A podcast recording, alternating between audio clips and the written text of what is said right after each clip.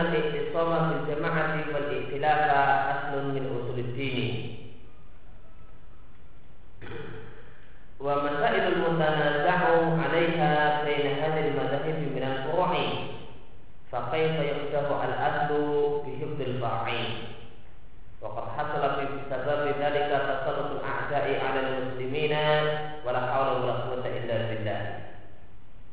المحذور الثاني الإعراض عن الوحي. وعدم الانتفاع بنصوص الكتاب والسنة. والاستغناء عنه في أحوال الرجال. ووزن ما جاء في الكتاب والسنة على رأي المتبوعين المحذور الثالث الانتصار للمذاهب في الأحاديث الضعيفة والآراء الفاسدة ما صح وثبت من الأحاديث النبوية. Al-Mahdu Arafidu Tanzilul Imamin Su'i Bi Atba'ihi Manzilatan Nabi Sallallahu Alaihi Wasallam Di Ummatihi. Wa dhalika idha tazama ha'ulai atba'u qawla imamihim Bi kulli maqala Qala. Ibn Taimiyah Amma wujubu tiba'il qaili Fi kulli ma yakuluhu Min ghairi zikri dalilin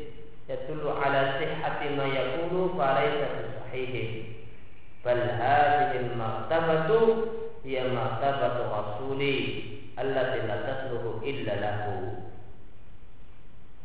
Wa qala aidan wa hadha taqdilun lid-dini. Yusbihu ma'a Allah bin nasara.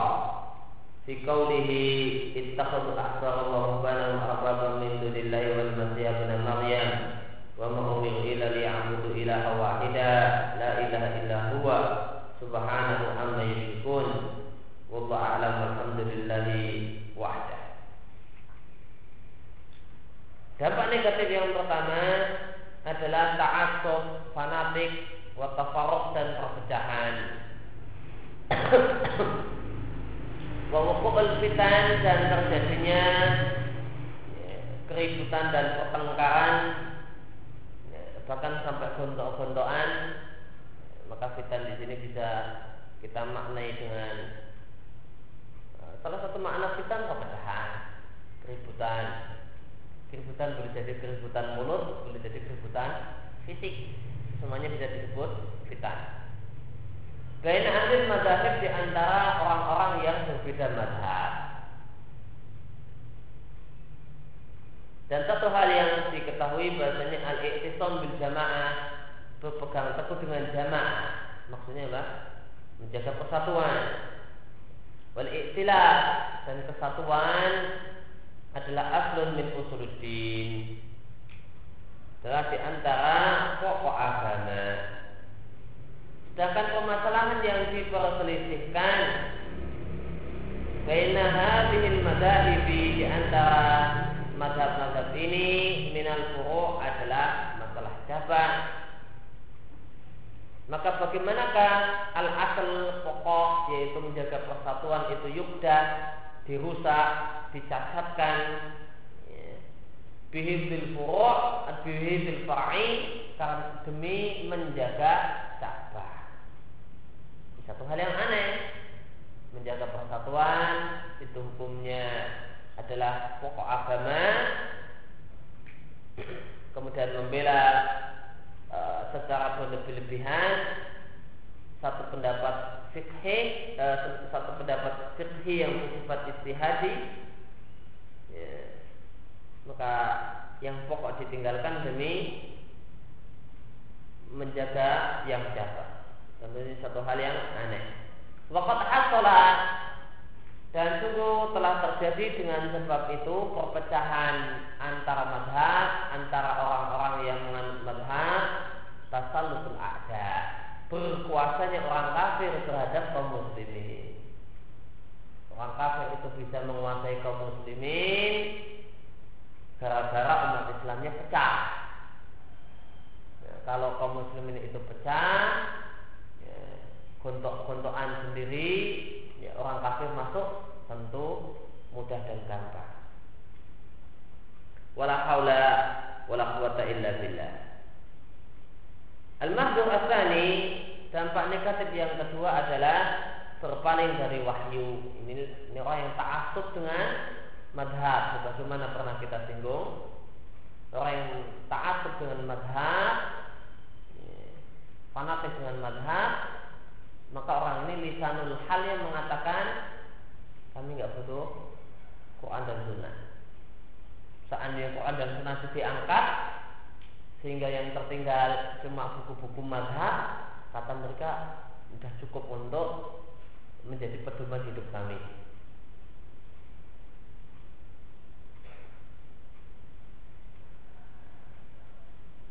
Wa ada intifa dan tidak mengambil manfaat dari dalil Quran dan Sunnah dan merasa cukup dengan wal dan tidak membutuhkan anhu wahyu bi aqwali rijal. Ya, karena sudah merasa cukup dengan perkataan manusia. Bahkan menimbang isi Quran dan Sunnah ditimbang dengan pendapat imam yang diikuti. Kemudian dampak negatif yang ketiga karena orang itu fanatik dengan madhab akhirnya memberikan pembelaan terhadap madhab secara overdosis sampai-sampai membela madhab dengan menggunakan hadis-hadis yang lemah dan pendapat-pendapat yang tidak benar dan meninggalkan hadis yang sahih wasabata yang bukan sahih dari hadis-hadis Nabi Shallallahu Alaihi Wasallam. Kemudian dampak negatif yang keempat adalah memposisikan imam madhab yang diikuti fi ini di tengah-tengah para pengikutnya sebagaimana kedudukan Nabi di tengah-tengah umatnya.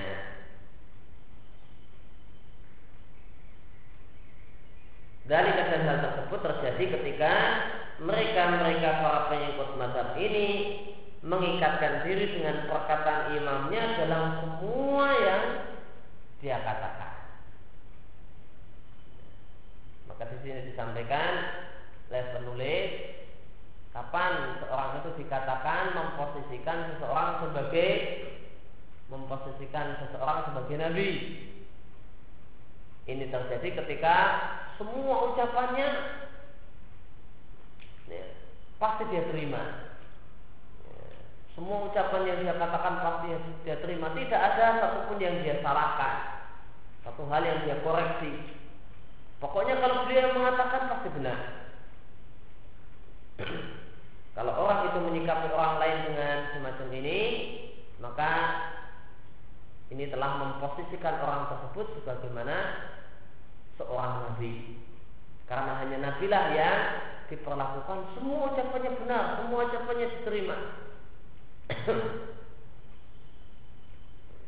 maka boleh bermadhab oleh karena itu kemarin kita bahas Bermadhab itu boleh, namun tidak boleh apa? Mengikatkan diri dengan madhab dalam artian menerima semua pendapat madhab. Madhab itu boleh,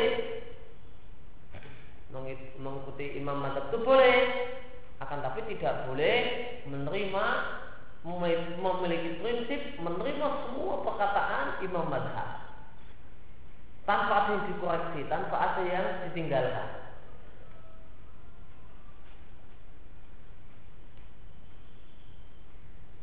Maka jika orang telah bersikap demikian, yaitu komitmen meningkatkan diri dengan perkataan imamnya, syekhnya, ustaznya dalam semua yang dia katakan. Tidak ada kritik, tidak ada tidak ada yang tidak ada yang ditolak, semuanya diterima dan diyakini hak dan benar.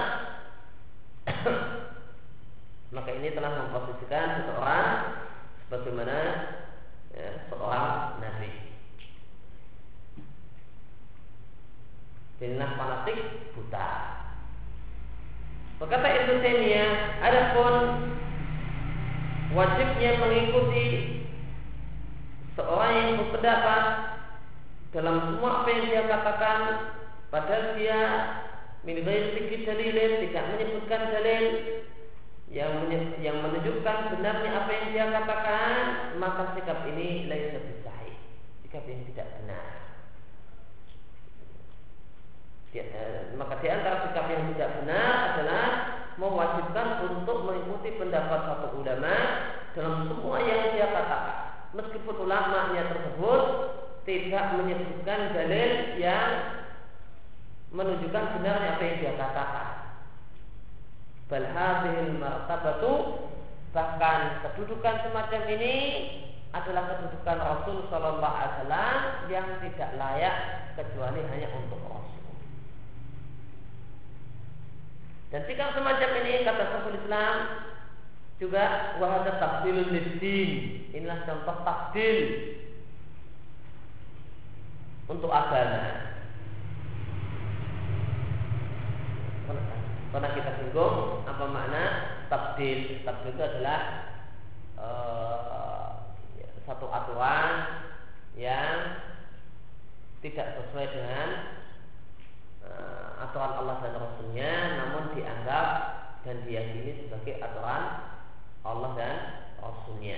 Itu pendapat orang non pendapat orang ini dan itu pendapat orang yang menyelisih Quran dan Sunnah tetapi dianggap sebagai Quran dan Sunnah. Itu disebut tafsir lidin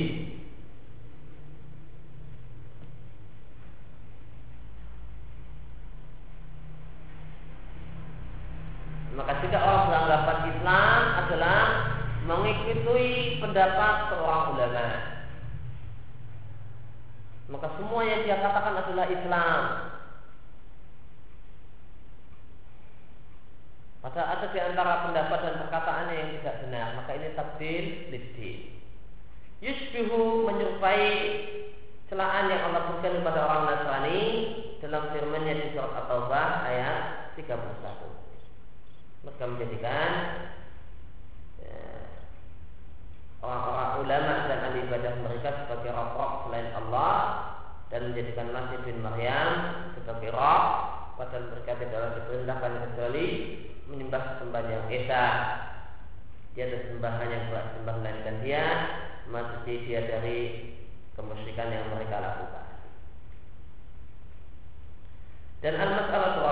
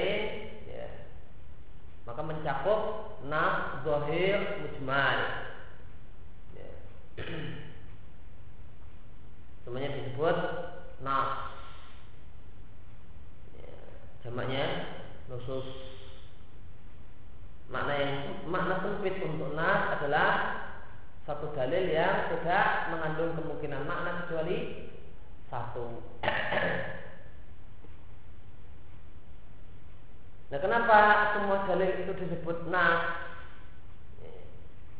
Ada yang menjelaskan semua dalil disebut nas itu nas dalam makna luas dikarenakan umumnya dalil Quran dan Sunnah itu nas dalam pengertian maknanya tegas. Maka al-hukmu lil ghalib. Karena yang paling banyak, yang paling dominan adalah dalil itu nas dalam pengertian ya, tidak mengandung kemungkinan makna kecuali satu, ya, maka secara umum semua dalil disebut nas atau khusus mimba al hukmu lil ghalib. Diperlakukan kaidah al hukmu lil ghalib. Wal amal dan beramal dengan dalil dan mengambil dalil-dalil syar'i adalah di antara landasan yang penting di antara landasan-landasan agama ini. Bahkan mengikuti wahyu adalah konsekuensi dari mengisahkan Allah dan konsekuensi dari beriman kepada Allah. Penulis Sarah Tahawiyah mengatakan bahwa tauhidan ada dua tauhid yang tidak ada keselamatan bagi seorang hamba dan azab Allah kecuali dengan keduanya. Pertama adalah tauhidul mursil mengisahkan zat yang mengutus rasul ini sama dengan tauhidullah. Dan yang kedua adalah tauhidul mutaba'ati rasul. Tauhidul ittiba atau tauhidul mutaba'ah mengisahkan itibah hanya kepada Rasul.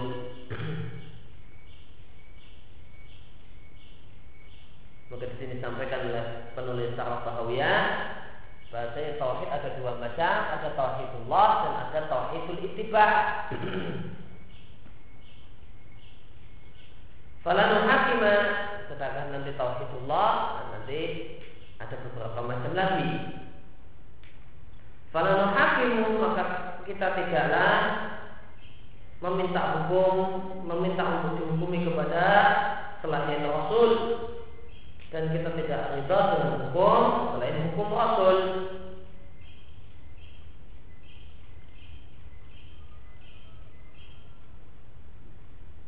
Di samping dua tauhid ini ada tauhid yang ketiga yang tidak kalah penting yaitu tauhidul ummah.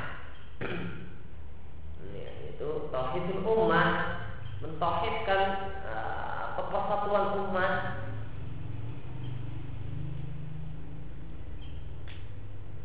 tadi sebagaimana tadi disampaikan bahasanya al-ikhtilaf persatuan dan kesatuan adalah aslun min usuliddin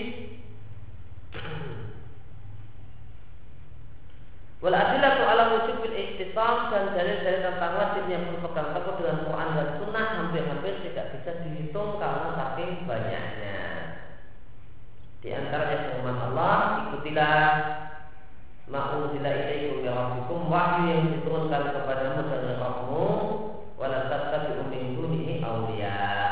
Dan janganlah kalian mengikuti eh, min dunihi selain Allah awliya yaitu berhala-berhala atau sembahan-sembahan selain Allah. Ya, sembahan-sembahan selain Allah disebut aulia, disebut wali. Diambil dari kata-kata wala, ya, loyalitas karena orang yang menyembah sesembahan selain Allah pasti mereka memiliki loyalitas kepada yang disembah. Yang disembah jin, maka dia punya loyalitas dan kecintaan yang tinggi kepada jin yang disembah dan seterusnya.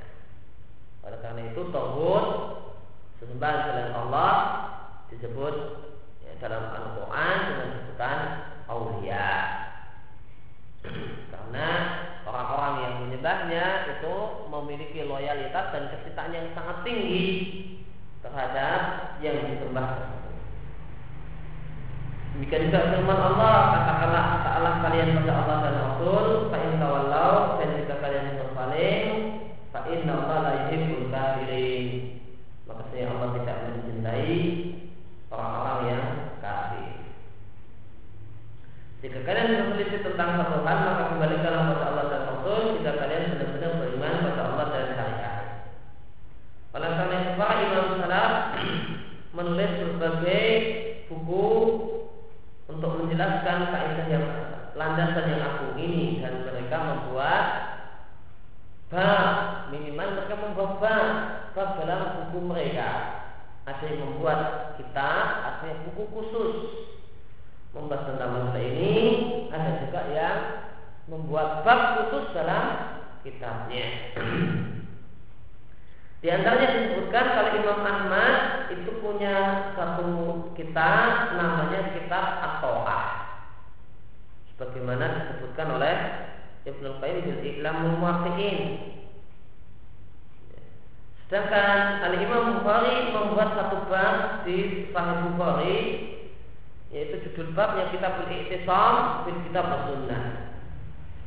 Wujud dan adalah bagian dari Sahih Bukhari dan yang lainnya.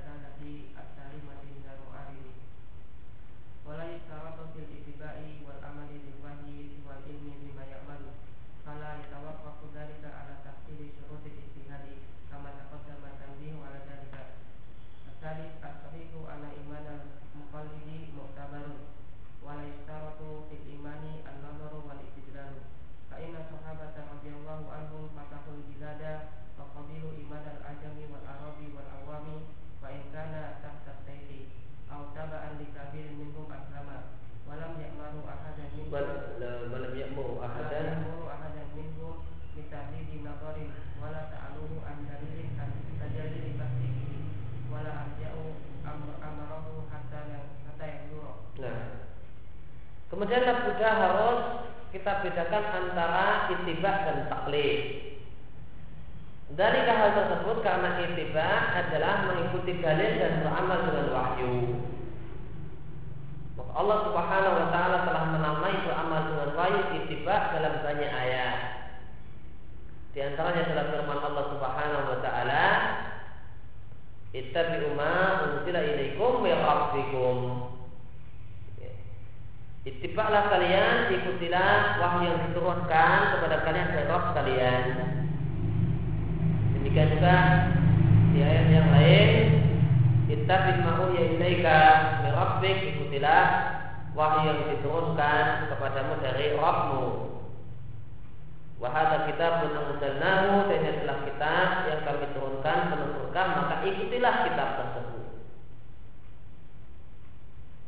Pemahal itiba maka sasaran itiba ini jika demikian adalah semua hukum yang telah jelas dalilnya dari Quran dan Sunnah atau ijma.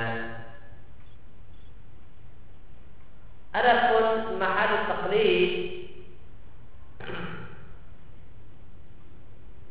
Adapun sasaran dari taklid adalah sama dengan sasaran istihad maka tidak ada tidak boleh istihad dan tidak boleh taklid dalam nusus wahyu yang sahih yang jelas maknanya asalimah yang terbebas menal mu'alif dari dalil yang menentangnya.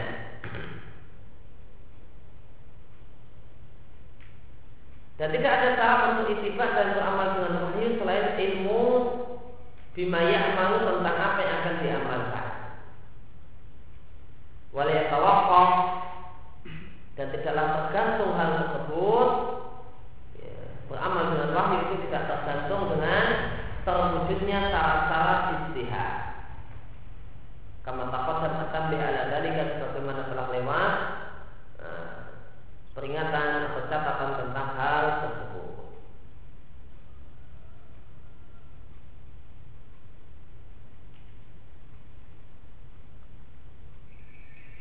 Namun perlu diketahui di samping itibak itu digunakan dalam Al-Quran dengan pengertian mengikuti wahyu mengikuti dalil dan beramal dengan wahyu.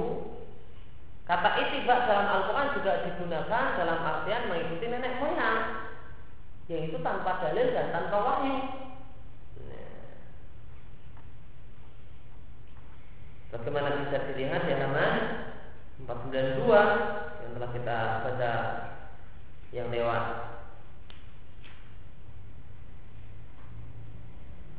Misalnya di surat Luqman ayat 21 di masalah taklid yang tercela dan jika dikatakan pada orang-orang musyrik itibalah kalian dengan apa yang Allah umumkan. Kalau mereka mengatakan bal nattabi umat wajadna alaihi bahkan kami itiba dengan ajaran nenek moyang yang kami jumpai. Maka mengikuti nenek moyang juga menggunakan istilah itiba maksudnya itu pakai dalil. Dan pakai dalil. Beramal dengan wahyu. Bukan beramal dengan wahyu.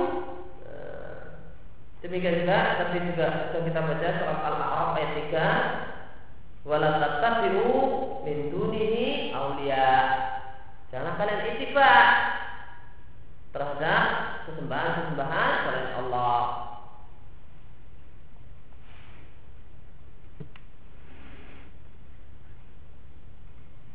Apa maksud dari e, catatan yang kita berikan ini? Yaitu maksudnya mengatakan bahwasanya e, makna syar'i untuk itiba e, adalah mengikuti dalil dan beramal dengan wahyu itu tidak tepat.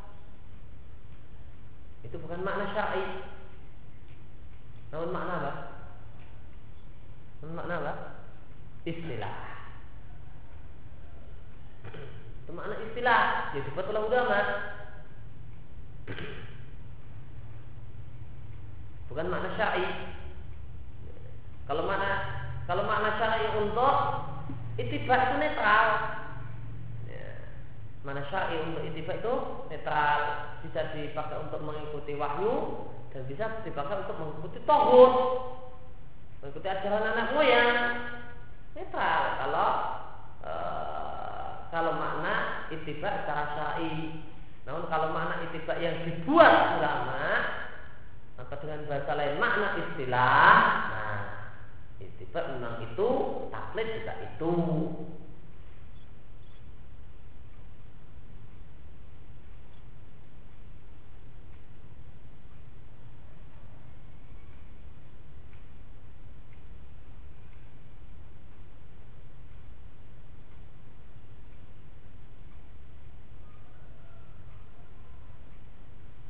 Maka di sini kita ngasih catatan untuk perkataan penulis yang memberikan kesan seakan-akan itibak dengan arti mengikuti dalil dan beramal dengan wahyu itu makna syar'i.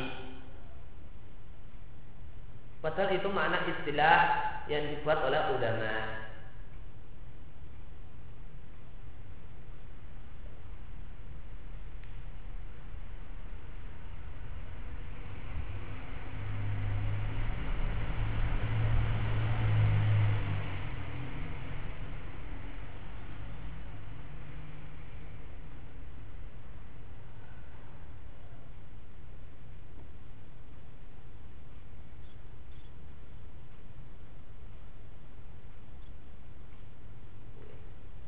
istilah yang dibuat oleh para ulama. Maka itiba adalah mengikuti semua hukum yang jelas dalilnya dari Quran dan Sunnah atau ijma. Ya. Ini adalah makna istilah, bukan makna syar'i.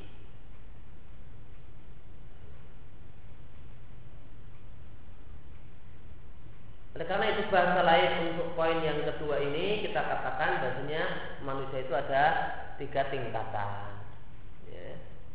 Ada orang awam, orang polos, ya. maka kewajiban dia adalah mengikuti ya, eh, adalah kewajiban dia adalah taklid bertanya pada orang yang dia mentepi ilmunya ya, dan dia ikut dan dia amal.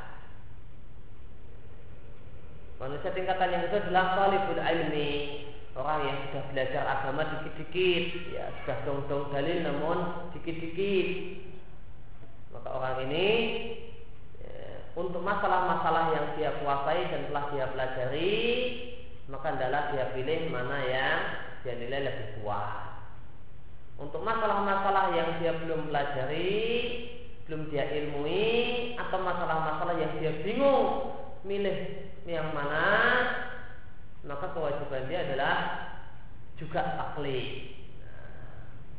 taklid. Kalau memang ini dia bingung, mana ini yang kuat? Mencoba mentelaah kok tambah bingung, ditelaah lagi tambah bingung lagi. Kewajiban dia, maka dalam posisi ini dia seperti orang awam. Kewajibannya taklid. Terus dalam perkara yang dia belum tahu, dia belum kaji, dia belum teliti, maka dia juga taklid. Ini kewajiban talibul ilmi. Kemudian yang ketiga adalah ulama yang terpenuhi pada diri mereka syarat-syarat beristihad. Ya. Maka kemarin kita sampaikan kewajiban ulama adalah beristihad dan mengikuti hasil istihadnya. Meskipun hasil istihadnya itu berbeda dengan hasil istihad ulama yang lain itu tidak masalah.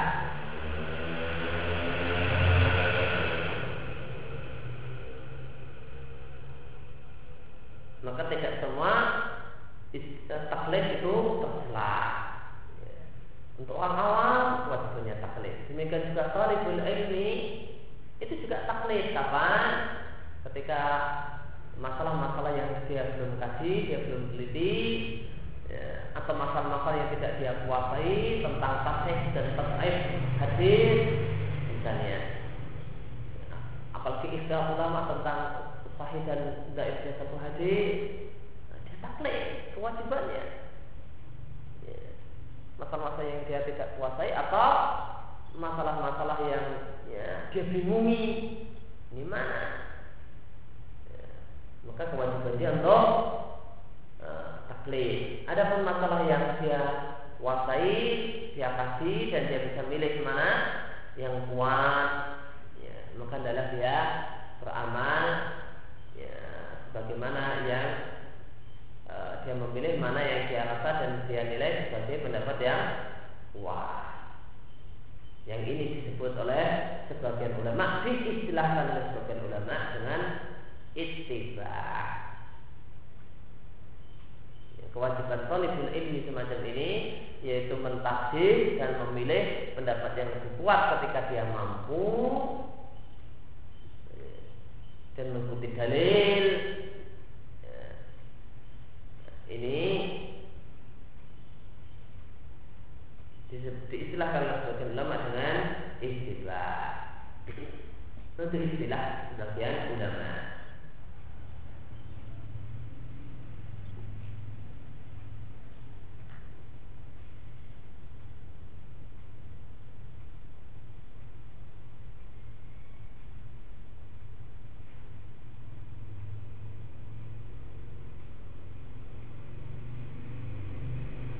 karena itu catatan penting berkaitan dengan masalah ini tidak semua taklid itu tercela.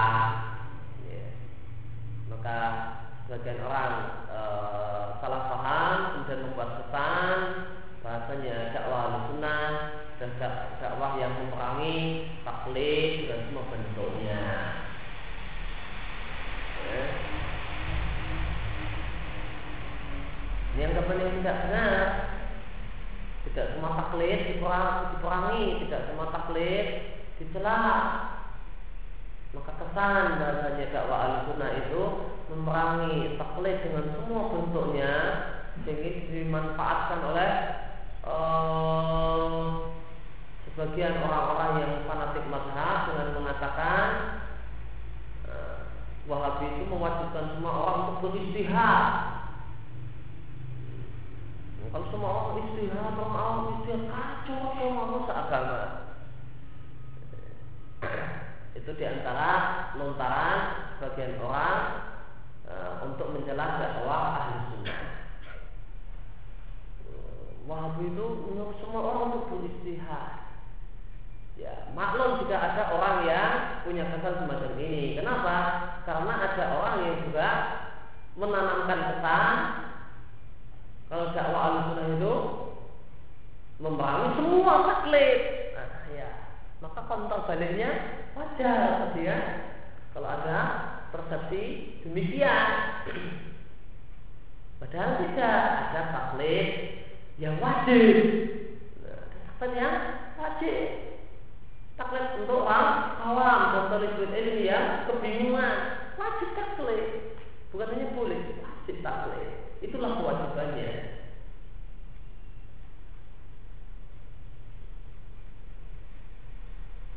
Ini sebagai orang punya uh, pesan bahwa sunnah itu semua bentuk taklid dan cara beragama yang benar adalah itibak dalam pengertian istilah.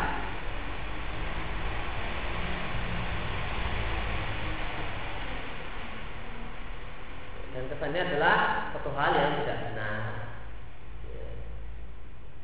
kita katakan tidak semua dan itu terselang demikian juga kita sampaikan manusia itu bertingkat-tingkat ada tiga level. Yang masing-masing punya kewajiban sendiri-sendiri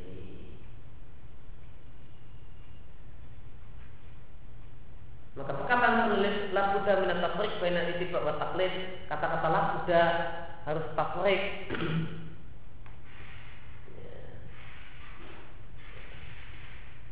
antara itibak dengan taklid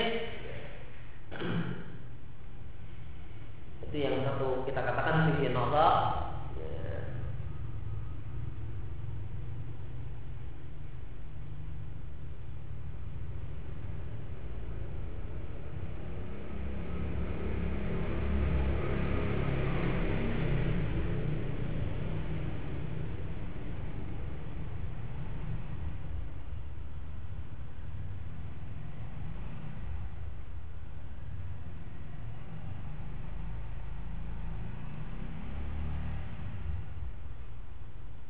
Kemudian di sini disyaratkan oleh penulis bahasanya e, itibak yang dalam pengertian yang beliau sampaikan itu adalah kewajiban talibul ilmi. Buktinya walai taqaf beliau mengatakan walai taqaf dari arah tahsil surut dan istihad. Ini adalah level di bawah level mustahil.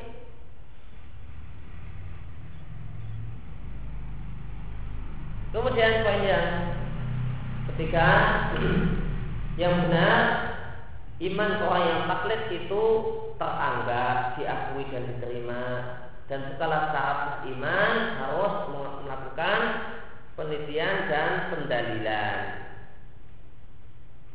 Maka imannya orang yang orang yang iman karena taklid itu sah menurut ahlu sunnah. Tidak sebagaimana asyariyah dan ahlul kalam yang mengatakan bahasanya iman orang yang taklid itu tidak sah. Kalau ahlu sunnah mengatakan bahasanya iman orang, e, iman karena dasar taklid itu sah. Demikian dikatakan oleh Syekh Muhammad Shalih Utsaimin di Al Usul min Ilmi Usul. Beliau katakan ini bahasanya akidah ahlu sunnah. Ahlu sunnah mengatakan Bahasanya iman dengan dasar taklid itu sah. Tidak disyaratkan harus melakukan penelitian sendiri, cuma sudah ikut-ikutan itu sah. Di antara dalilnya adalah para sahabat menaklukkan berbagai negeri dan mereka menerima iman orang Ajam, orang Arab Badui dan orang awam meskipun mereka itu beriman karena takut ancaman pedang atau karena sekedar ikut-ikutan pemimpin kabilah mereka yang masuk Islam. Dan tidaklah para sahabat memerintahkan seorang pun dari mereka untuk melakukan penelitian ulang. Dan para sahabat tidak menanyai mereka-mereka ini tentang apa dalil kok mereka mau percaya dan mau beriman. Tidak pula para sahabat menunda status mereka. Kamu belum muslim, statusmu masih gantung. Enggak. Para sahabat tidak menunda status mereka-mereka. Pokoknya status kamu belum muslim, mulai. Hatta yang dulu sampai kamu mengadakan penelitian dan pengkajian. Maka kalau kamu penelitian dan pengajian sendiri dan berdasarkan penelitian dan pengkajian kamu mantep untuk masuk Islam. Nah, tidak ada demikian. Mereka terima. Padahal sebagian besar orang-orang Arab Badui ini masuk Islam karena ikut-ikutan. Bosnya masuk Islam, kepala masuk Islam, semuanya masuk Islam. Ketika ditanya kenapa masuk Islam, kepala suku kami masuk Islam. Itu dalilnya. Bukan karena oh gini gini Islam itu benar gini gini gini gini gini alasannya ini satu dua tiga empat enggak mereka nggak punya alasan kenapa kamu masuk Islam kecuali ya kepala suku kamu masuk Islam itu hujah mereka yang paling kuat ini taklid ini iman karena taklid ini ya, demikian yang kita baca uh, pagi hari ini wassalamualaikum warahmatullahi wabarakatuh